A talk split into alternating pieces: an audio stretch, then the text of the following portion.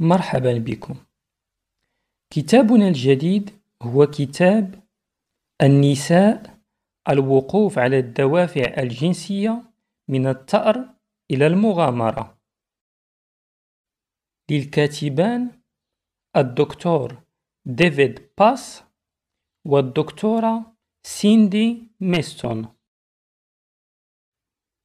ترجمة أحمد الناصح. تمهيد من داخل العقل الجنسي. لماذا تمارس النساء الجنس؟ موضوع فائق الأهمية ومع ذلك فقليلا ما درس. وواحد من أسباب إهماله يتلخص في أن العلماء وغيرهم يفترضون أن الأجوبة واضحة بالفعل لتذوق اللذة للتعبير عن الحب أو على المستوى البيولوجي الصرف للغريزة الجنسية. لأجل التكاثر. وعليه أخذنا على عاتقنا منذ خمس سنوات مضت البدء بمشروع بحث مركز تناول أكثر من ثلاثة آلاف فرد لجلاء الغموض عن جنسانية النساء. عندما نشرت مقالتنا لماذا يمارس البشر الجنس في إحدى الدوريات عدد أغسطس 2007 صار الاهتمام بها كالنار في الهشيم على أن ما كشفه الإعلام عن تلك المقالة لم يكن إلا الجزء الطافي من جبل الجليد فقط. في تلك الدراسة الأصلية شخصنا 237 دافعا جنسيا مختلفا تغطي طيفا متنوعا مذهلا من الفروق السيكولوجية. وتراوحت تلك الدوافع من البسيط المادي مثل كنت أشعر بالملل إلى الروحي مثل أردت أن أقترب من الرب ومن الإيثار مثل أردت أن يشعر رجلي على نحو أفضل حيال نفسه. إلى التأري مثل أردت أن أعاقب زوجي على خيانته لي. وبينما تمارس بعض النساء الجنس ليشعرن بالسطوة تمارسه أخريات لإدلال أنفسهن. وبينما تمارسه بعضهن لغرض إبهار أصدقائهن تمارسه أخريات بقصد إيذاء أعدائهن. مثلا أردت أن أخرب علاقة غريمتي بشريكها من خلال ممارسة الجنس معه. تعبر بعضهن عن الحب الرومانسي مثل أردت أن أصبح متوحدة مع شخص آخر. فيما تعبر أخريات عن كراهية عمياء. مثل أردت أن أصيب ذاك الشخص بمرض منقول جنسيا. لكن هذه التبريرات لم تجب عن لماذا التي تكمن وراء كل من هذه الدوافع. قمنا من خلال عملية إحصائية بتصنيف الدوافع في تجميعات طبيعية. من ثم شرعنا في استكشاف الحيوات الجنسية للنساء بتفصيل أكثر. في دراسة جديدة صممت خصيصا لهذا الكتاب.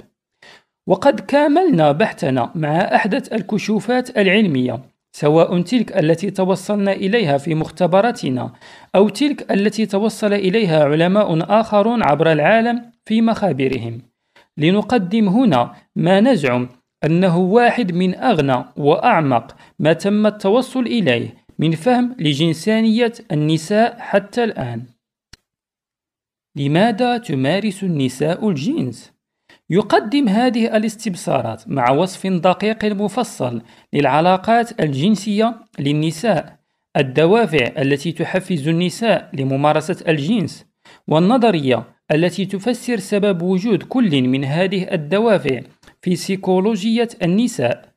رغم أن جنسانية البشر كانت الهدف الرئيس لبحثنا لعدة سنوات فإن بحثنا أثبت أنه أكثر أهمية مما توقعنا له فيما يتعلق بجنسانية النساء تحديدا كيف انتهى بنا الأمر إلى التشارك في هذا المشروع البحثي الاستثنائي؟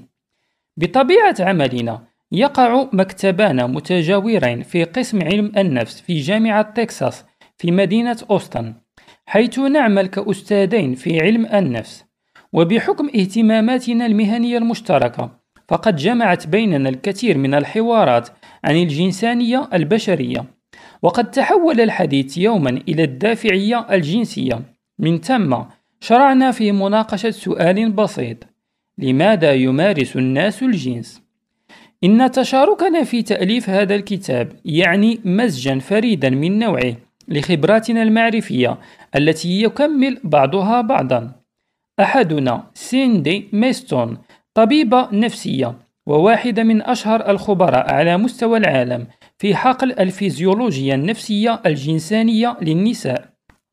والآخر ديفيد باس عالم نفس تطوري وأحد الخبراء العلميين العالميين في استراتيجيات الاقتران عند البشر. وقد مكننا تعاوننا من التوصل لفهم لجنسانية النساء أعمق مما كان كل منا ليتوصل إليه لو عمل بمفرده من كلا المنظورين التطوري والسريري الطبي. يطرح موضوع جنسانية النساء أسئلة مثيرة للاهتمام. لماذا ترغب النساء في بعض الصفات في القرين؟ فيما تنفر من صفات أخرى. ما التكتيكات التي تستعملها النساء لاجتذاب الشركاء الجنسيين المفضلين؟ لماذا تدمج بعض النساء نفسيا بين الحب والجنس؟ لماذا تروق الروايات الرومانسية الشهوانية للنساء أكثر من الرجال؟ لماذا تمارس بعض النساء الجنس للاحتفاظ بقرين بينما تمارسه أخريات للتخلص من, غ... من قرين غير مرغوب به؟ تعد الدراسة العلمية للجنس أو السيكسولوجيا. حقلا دراسيا يمتد عبر فروع علمية عديدة. علم النفس علم الأناسة أو الأنثروبولوجيا علم الاجتماع البيولوجيا التطورية والطب. لقد ركزت السكسولوجيا خلال العدة عقود المنصرمة على ثلاث قضايا رئيسية. أولا تحديد وفهم أي السلوكيات والمواقف والعلاقات الجنسية إن كان صحي أم طبيعي. ثانيا تحري كيف تشكل العوامل البيولوجية وأحداث الحياة والظروف أو التفضيلات الشخصية كلا من رغباتنا وهوياتنا الجنسية. ثالثا استكشاف كيف تؤثر الجنسانية البشرية على العلاقات الاجتماعية وتتأثر بها. يهتم الأطباء النفسانيون بشكل خاص بمعرفة إلى أي حد أو درجة يمكن إجراء التعديل والتحسين على الخيارات والاستجابات الجنسية للفرد. بينما يدرس مختصو علم النفس التطوري الوظائف التكيفية لمكونات السيكولوجيا الجنسية البشرية. كما يدرسون أيضا لماذا تفشل بعض الدوافع الجنسية أحيانا في أداء وظيفتها بفعالية في بيئتنا الحديثة. منذ أواخر القرن التاسع عشر استخدم باحثو السيكسولوجيا ثلاث منهجيات علمية في دراسة السلوك الجنسي عند البشر. دراسات الحالة المسوحات والاستبيانات ومراقبة ورصد وتقييم السلوك. تتضمن طريقة دراسة الحالة وصفا دقيقا وعميقا لأفراد لديهم مشاكل جنسية أو صفات جنسية شاذة على سبيل المثال رصد ريتشارد فون كرافت إيبنغ وهو من أوائل علماء السكسولوجيا انتشارا كبيرا لممارسة الاستمناء بين مرضاه.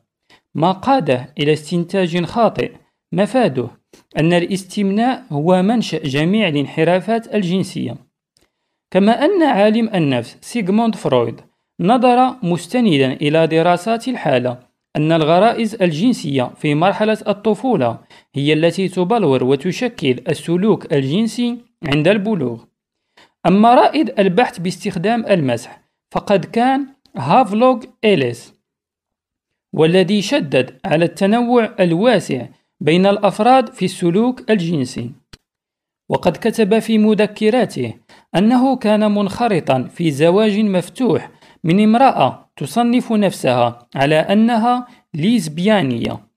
وفي أربعينيات وخمسينيات القرن العشرين قام ألفريد كينزي وزملاؤه وارد بوميروي باول جيبارد كلايد مارتن بتقديم صورة جديدة للطريقة التي يرى بها الأمريكان حيواتهم الجنسية حيث نشروا تقريرين يصنفان النشاطات الجنسية للنساء والرجال. صاغ كينزي وفريقه مقابلة معيارية منظمة واستخدموها لاستخلاص المعلومات عن التواريخ الجنسية المفصلة لما يقرب من 18 ألف رجل وامرأة في أمريكا فيما عد أكبر مسح على الإطلاق للممارسات الجنسية البشرية. وقد قام كينزي شخصيا بتسجيل 7958 من هذه التواريخ. لقد كان روبرت لاتو ديكنسون وهو طبيب النساء الممارس في نيويورك رائد المراقبة المختبرية لجنسانية النساء حيث طور أنبوب المراقبة الزجاجي لرؤية وتوثيق التشريح الجنسي الداخلي للنساء. كذلك استخدم كينزي تقنيات المراقبة المباشرة لدراسة الاستجابات الجنسية. لكن العصر الحالي لدراسة الجنس مختبريا. بدأ مع عمل ويليام ماسترز وفيرجينيا جونسون. واللذين كانا متزوجين منذ 1971 إلى 1992 وعلى العكس تماما من الرصد المحدود الذي قام به من سبقوهما من الباحثين. فقد جند ماسترز وجونسون ما يقرب من 700 رجل وامرأة للمشاركة في الدراسات التي أجرياها في مختبرهما. وقد وقفا من خلال تلك الدراسات على التغيرات الفيزيولوجية التي تحدث عند الإثارة الجنسية والنشوة الأوريغازم. واكتشف دور السوائل الترطيبية المهبلية في الإثارة الجنسية وكذا فيزيولوجيا النشوات المتعددة. والتشابه بين النشوة المهبلية والبضرية عند النساء ومنذ نشر كتابهما الشهير الاستجابة الجنسية البشرية عام 1966 ظهر فرع مستقل نسبيا من الدراسات المختبرية الفيزيولوجيا النفسية الجنسية. تعنى دراسة الفيزيولوجيا النفسية الجنسية بالتحري عن التداخل والتفاعل بين النفس أي الشعور الانفعالات والعواطف وعملية التفكير. وبين الفيزيولوجي أي الهرمونات كيميائيات الدماغ والاكتظاظ المنسلي والترطيب في السلوك الجنسي البشري. تقاس الإثارة الجنسية النفسية نموذجيا من خلال الاستبيان حيث يسأل الشخص ما إذا كان يشعر بأنه مطار أو غير مطار في ظرف معين وما إن كان مزاجه أو مزاجها إيجابيا أو سلبيا مسترخيا أم قلقا. اهتم العلماء في البدايات المبكرة للفيزيولوجيا النفسية الجنسية بقياس الإثارة الفيزيولوجية البشرية باستخدام وسائل معدلة كانت تستخدم سابقا. في أنواع حيوانية أخرى. فعلى سبيل المثال كان الجهاز الذي يستخدم لقياس انتصاب القضيب عند الرجال كان أصلا جهازا يستخدم مربو الخيول لمنع الذكور للأحصنة المكرسة لتلقيح الإناث من القيام بالاستمناء. وفي بداية السبعينيات قام طبيبان بتطوير ميجس ربما استخدم لقياس حرارة المهبل عند الأغنام. وقد ادعي أن الجهاز لم يسبب أي إزعاج للنعاج المستيقظة خلال الاختبارات التي استغرقت أربع ساعات تقريبا. ورغم أنه قد ثبت أن الجهاز مؤذن وغير صالح للاستخدام على النساء فإن النماذج الحديثة من المجسات المهبلية لا تختلف في التصميم كثيرا عنه. أما اليوم فيقيس الباحثون الاستجابات الجنسية الفيزيولوجية وخصوصا سريان الدم في الأعضاء التناسلية باستخدام تقنيات عديدة. فيما يتعلق بالنساء تستخدم الدراسات تقنية رسم ازدياد الدم المهبلي لتصوير المهبل وهي تقنية تصوير حساسة للضوء والتصوير بالموجات النبضية فوق الصوتية بالاستفادة من ظاهرة دوبلر وتصوير الحوض باستخدام الرنين المغناطيسي ومجسات لقياس التغير بدرجة حرارة المهبل والأشفار. والتصوير الحراري للفخذين والأعضاء التناسلية. بالإضافة إلى ذلك يقوم علماء الفيزيولوجيا النفسية الجنسية بقياس معدل نبض القلب معدل التنفس درجة حرارة الجسم ضغط الدم ونشاط الغدد العرقية. على أن هذه القياسات التي ليس لها علاقة مباشرة بالأعضاء التناسلية وإن كانت تعطينا معلومات عن الحالة الفيزيولوجية للشخص في أثناء الإثارة الجنسية فإنها لا تعد مؤشرا نوعيا للاستجابة الجنسية حيث إن انفعالات نوعية أخرى كالغضب، الخوف، القلق وحتى الضحك يمكن أن تحدث نفس هذه التغيرات. وقد تحول الباحثون مؤخرا إلى استخدام الرنين المغناطيسي الوظيفي لتشخيص المناطق في الدماغ التي تلعب دورا في السلوك والاستجابة الجنسيتين. تمكن كل هذه التقنيات العصرية الباحثين في مختبر ميستون للفيزيولوجيا النفسية الجنسية والمختبرات المماثلة عبر العالم من دراسة الاستجابة الجنسية على أوسع نطاق. وقد عكف مختبر ميستون طوال الأحد عشر عاما المنصرمة على دراسة أسئلة مثل ما العلاقة بين مستويات استثارة الأعضاء التناسلية وبين الشعور السيكولوجي بالإثارة. كيف تؤثر التجارب الجنسية الصادمة لامرأة ما في باكورة عمرها على قابليتها للاستثارة عقليا وجسميا عند البلوغ؟ كيف تؤثر صورة جسم المرأة على مجمل الوظائف الجنسية والإشباع الجنسي لديها؟ ما تأثير تدخين السجائر والعقاقير الأخرى على قابلية النساء والرجال لأن يصبحوا مستتارين جنسيا. كيف تضعف مضادات الاكتئاب من قابلية النساء للاستثارة والوصول إلى النشوة؟ وكيف يمكننا التغلب على هذه المضاعفات الجانبية الجنسية؟ هل يؤثر الجماع على الهرمونات الجنسية؟ بشكل يمكن أن يؤثر على الغريزة الجنسية للنساء بأكملها؟ ولماذا يزيد القلق أو يقل أحيانا من الرغبة الجنسية للنساء؟ كذلك يجري استخدام طرائق فيزيولوجية وسيكولوجية لاختبار فرضيات تطورية حول السيكولوجيا الجنسية للنساء. قد يبدو غريبا بالنسبة لبعض الناس أن ننظر لهذه الأسئلة من منظار رغبات جنسية مطورة، تفضيلات قرين مطورة، وسيكولوجيا تنافس جنسي مطورة.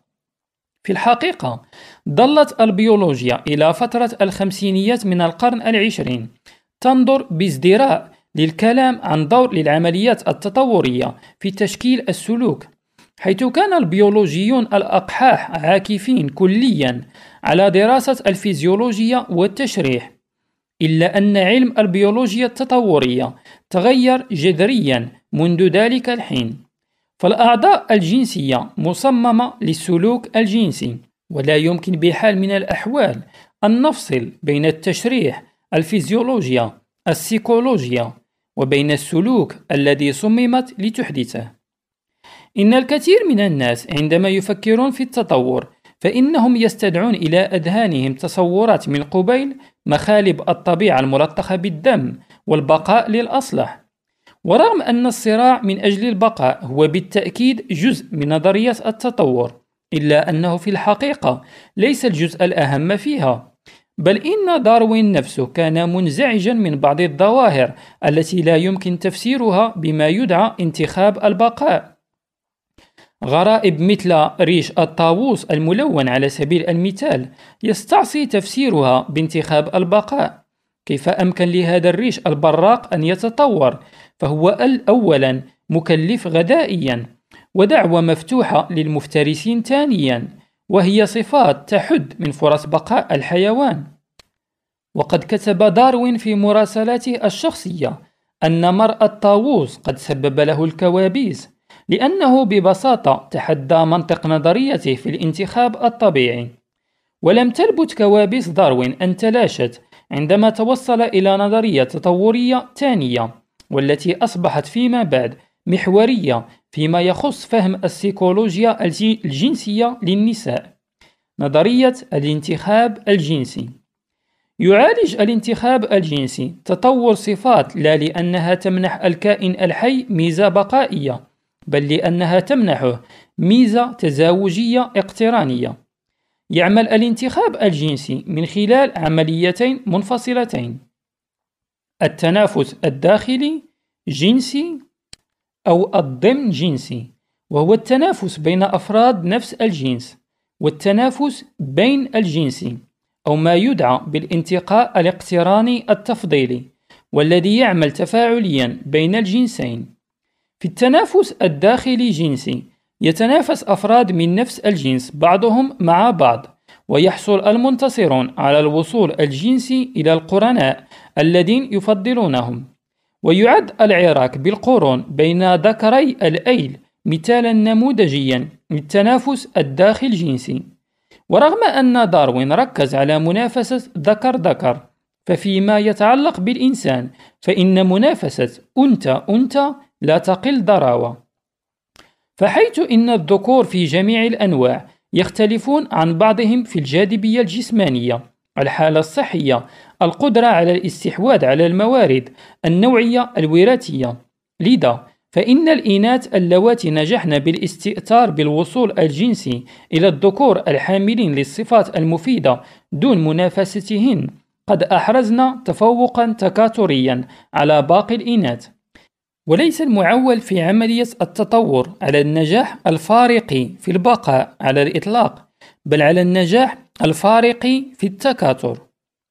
وفي خضم هذا التنافس الداخل جنسي تمرر الصفات التي تؤدي إلى الوصول الجنسي إلى المزيد من القرناء المرغوبين بتكرار أكبر إلى الأجيال اللاحقة لأن المنتصرين يتزاوجون بنجاح أكبر وينجبون ذرية أكثر أو ذات صفات أرقى. أما الصفات التي تقود عادة إلى الهزيمة في هذا الصراع فينتهي بها الأمر إلى الإقصاء من الحلبة التطورية لأنها تمرر إلى ذرية أقل. ورغم أن هذه العملية يمكن رؤيتها بشكل أوضح في الذكور والذين يشكل التنافس بالنسبة لهم محل تباه واستعراض فإن نفس المنطق ينطبق على الإناث. ولو أن العملية في هذه الحالة تأخذ طابعا مستترا عموما. تشكل السمعة الاجتماعية في حالة البشر كمثال مكونا رئيسيا في عملية التنافس بين أفراد الجنس نفسه. وتكتسب السمعة الاجتماعية غالبا أو تفقد من خلال الإشارات اللفظية العابرة النميمة تكوين التحالفات وغيرها من التكتيكات التي قد تمر أحيانا مرور الكرام. يحدث التطور والذي يعني ببساطة التغيير بمرور الزمن كنتيجة للتنافس بين أفراد الجنس الواحد لأن الفائزين يتمتعون بوصول جنسي أكثر إلى الشركاء الجنسيين المرغوبين. يتضمن الانتقاء الاقتراني التفضيلي على الضفة الأخرى الرغبة بالحصول على قرين يحمل صفات تقود في النهاية إلى نجاح تكاثري أعلى للفرد الذي يقوم بالانتقاء. فالنساء اللواتي يخترن ممارسة الجنس مع رجال أصحاء مثلا يحرزن تفوقا تكاثريا على النساء اللواتي يخترن ممارسة الجنس مع رجال تفتك بهم الأمراض كما أن النساء من الفئة الأولى يحافظن على صحتهن أيضا حيث يتجنبن الإصابة بالعدوى من هؤلاء الرجال المرضى وسيكون أطفالهن بصحة جيدة لأنهم لم يلتقطوا العدوى من أب مريض وإذا كانت الصفات المرتبطة بالصحة قابلة للتوريث جزئيا وهو ما بتنا نعرفه الآن فإن أطفال هؤلاء النسوة سيرثون مورثات الصحة الجيدة. إذا فقد تطورت الرغبات التزاوجية للنساء والصفات التي يجدنها جذابة جنسيا.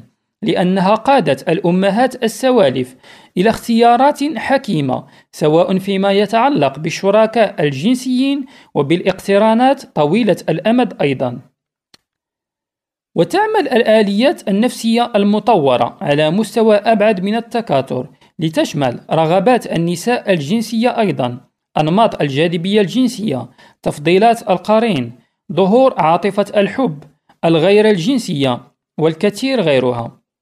إن كل واحد من المكونات الرئيسية للسيكولوجيا الجنسية للنساء يحل مشكلة تكيفية يوفر ميزة نوعية للنساء أو على وجه الدقة وفر ميزة لنساء سالفات وقد ورثت النساء المعاصرة هذه الميزة منهن.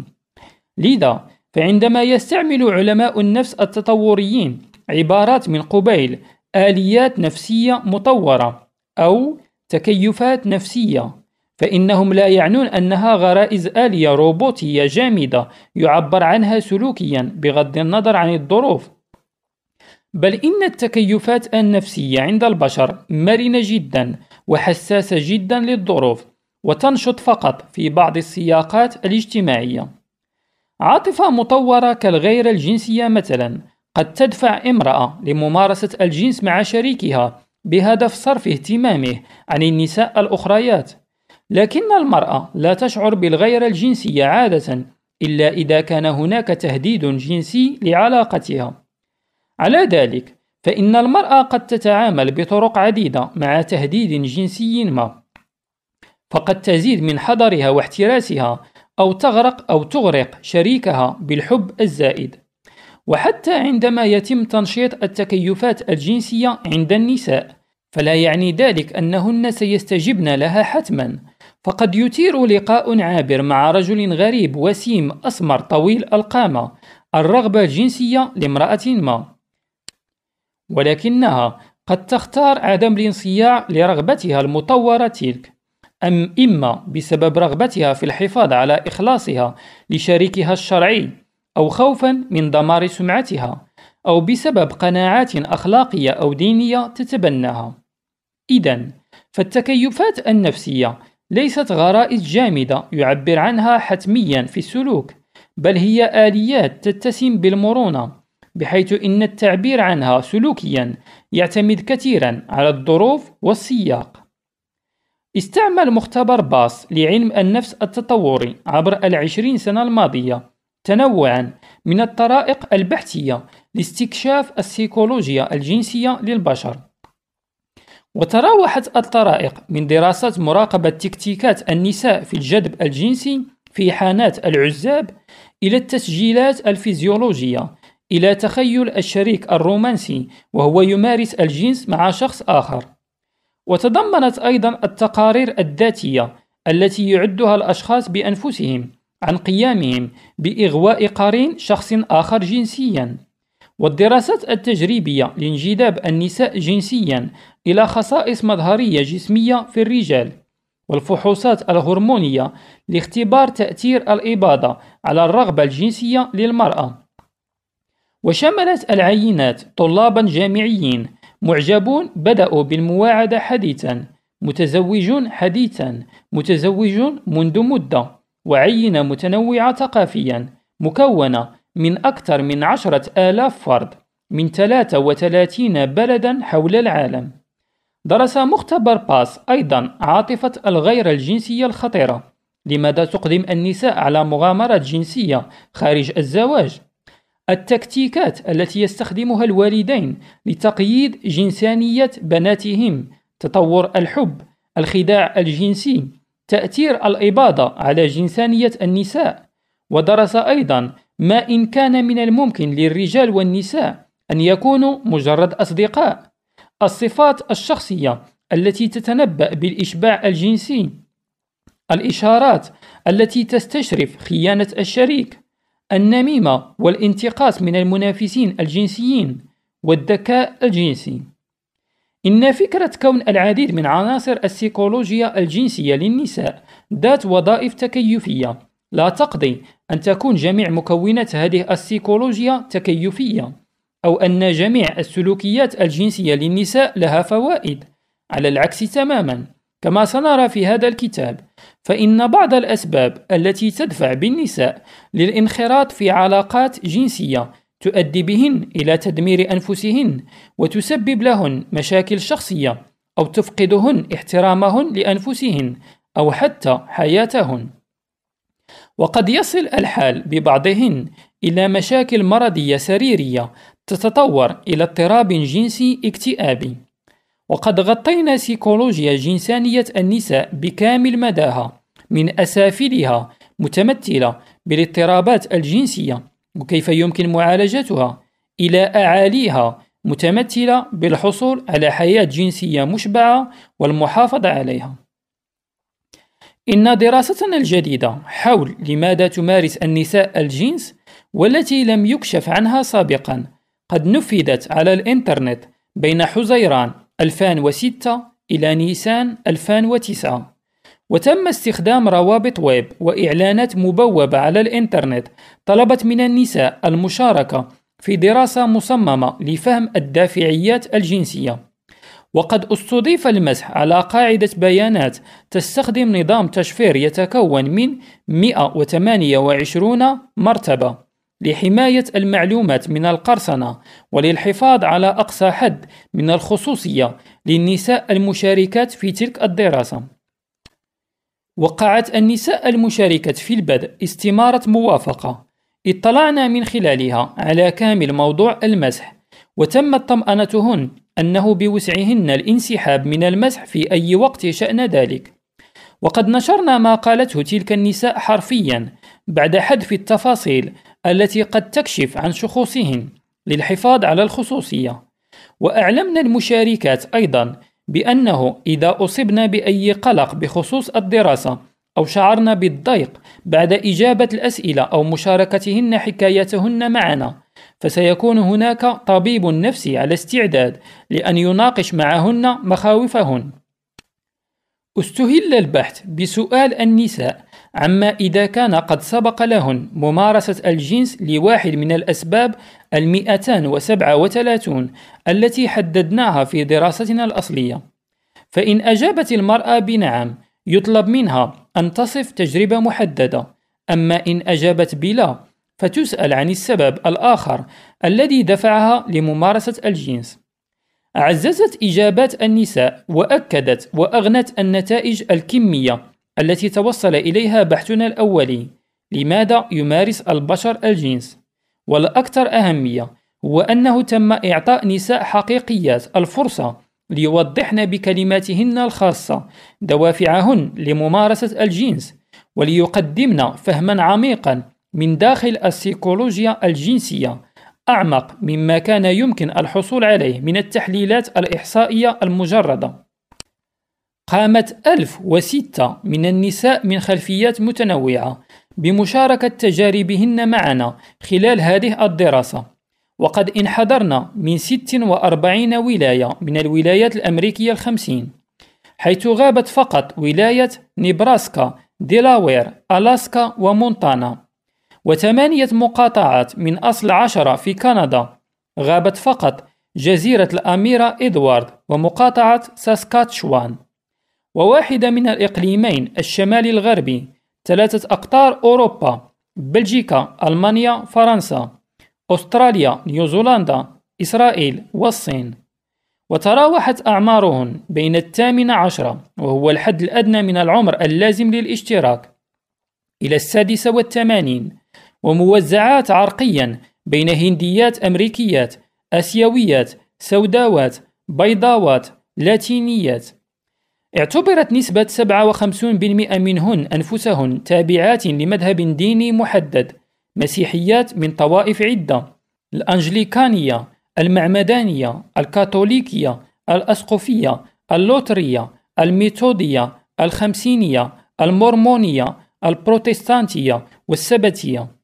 يهوديات مسلمات بوذيات هندوسيات طاويات توحيديات عالميات ووثنيات أو ويكا بينما قالت 26% منهن بأنهن لا أدريات فيما قالت 14% إنهن لا دينيات. ومع أن المسح تم عبر الإنترنت فإن المشاركات ينحدرن من أوضاع اجتماعية اقتصادية متنوعة. 17% قلنا أو قلنا أن الدخل لعائلاتهن يبلغ 25 ألف دولار فأقل سنويا. فيما تراوح دخل عائلات 31% منهن بين 25 ألف إلى 50 ألف دولار سنويا. و33% يتراوح دخل عائلاتهن بين 50 ألف إلى 100 ألف. و19% دخل عائلاتهن يزيد عن 100 ألف دولار سنويا. بالطبع فقد سألنا النساء أيضا عن حالتهن العلائقية وعن ميلهن الجنسي وقد أفادت ثمانية أو ثمانون بالمئة منهن تقريبا بأنهن في علاقة حاليا بينما كانت 10% يقوم بالمواعدة ولكنهن لم يكن في علاقة طويلة الأمد. 93% منهن أفدن بأنهن غيريات الجنس تماما أو غالبا. واثنان بالمئة يصفن أنفسهن كثنائيات التوجه الجنسي. وخمسة بالمئة يصفن أنفسهن على أنهن مثليات الجنس تماما. في الواقع امتنعت أحد عشر بالمئة من المشاركات عن اختيار أحد الخيارات أعلاه مكتفية باختيار أخرى. وقد كتبنا في هذا الحقل شادة ليزبيانية لا جنسية غيرية الجنس مرنة مختلطة الميل الجنسي كلية الميل الجنسي طبيعية غيرية غالبا وثنائية أحيانا متقلبة الميل منفتحة متعددة الشركاء لا أعلم ولا زلت أتساءل وتنويعات أخرى عديدة مثل غيرية الجنس غالبا مع مسحة شذوذ وقد كانت واحدة من المفاجآت التي أسفرت عنها دراستنا هي أنه مع كل سبب يدفع امرأة لممارسة الجنس. اكتشفنا نجاحات وإخفاقات. غالبا ما كانت ممارسة الجنس ممتعة بشكل كبير تعطي النساء إحساسا بالمتعة الحب الترابطات واستكشاف الذات. لقد أدركت شيئين مهمين. القابلية على أن أكون منهمك جنسيا بشكل تام مع أحدهم وأكون قادر على الضحك من قلبي في نفس الوقت والاستمتاع بكوني معه بطريقة مختلفة. لكأن الضحك والجنس يشبعان رغبتين بشريتين أساسيتين في آن واحد. امرأة غيرية الجنس العمر 42 تستمتع النساء بشبقهن وجنسانيتهن ولكن في بعض الأحيان لا يتسنى لهن إحراز ما كن ينشدن تحقيقه من خلال ممارسة الجنس. واقعة فإن ممارسة الجنس تنتهي أحيانا بجعل النساء شاعرات بالوحدة والمرارة والندم. وتطلعت إحدى النساء في دراستنا إلى الجنس للخلاص من وحدتها وشعورها بأنها غير جذابة ولكنها ما كانت تصبو إليه لم يتحقق.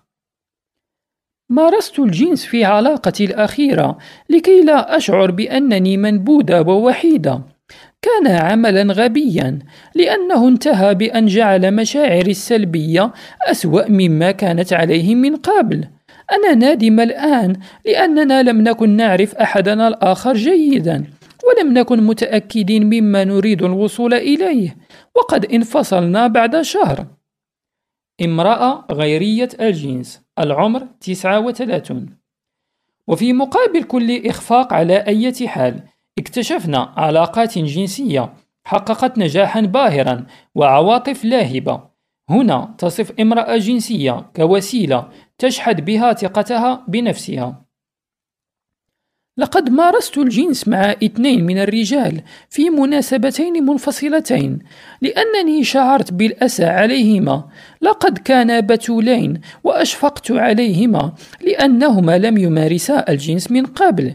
لذا فقد مارست الجنس معهما وشعرت بأنني قدمت لهما خدمة عظيمة لم يفعلها أحد من قبل. لقد شعرت بسطوتي عليهما كما لو أنهما كانا ضعيفين بين يدي وأنا مسيطر عليهما. ورفع ذلك من ثقتي لأكون الموجهة في ذلك الموقف وجعلني أشعر بأني مرغوبة أكثر. امرأة غيرية الجنس العمر 25 واعتقدت امرأة أخرى أن الجنس وسيلة لتجربة الرب. لا أستطيع أن أصف هذه التجربة بدقة، لكن ما أشعر به من المتعة الخالصة والامتزاج مع شخص آخر يقربني من دورات الحياة والطاقة التي تكمن وراءها هذا العالم، الرب بالمعنى الأساسي.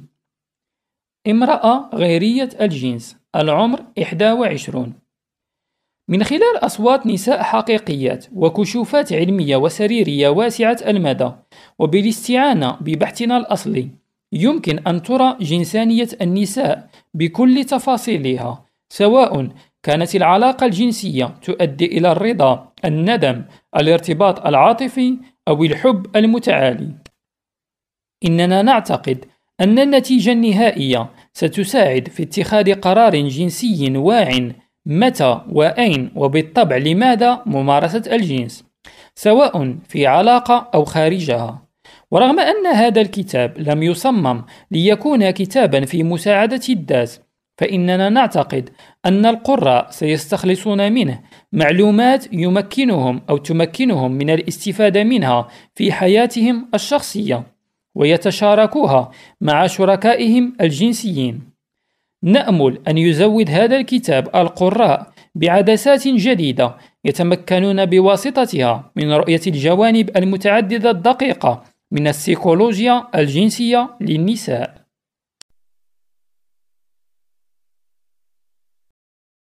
كان هذا مقتطفا من الكتاب للاستماع للكتاب كاملا تجدون الرابط في صندوق الوصف بالأسفل شكرا على الاستماع.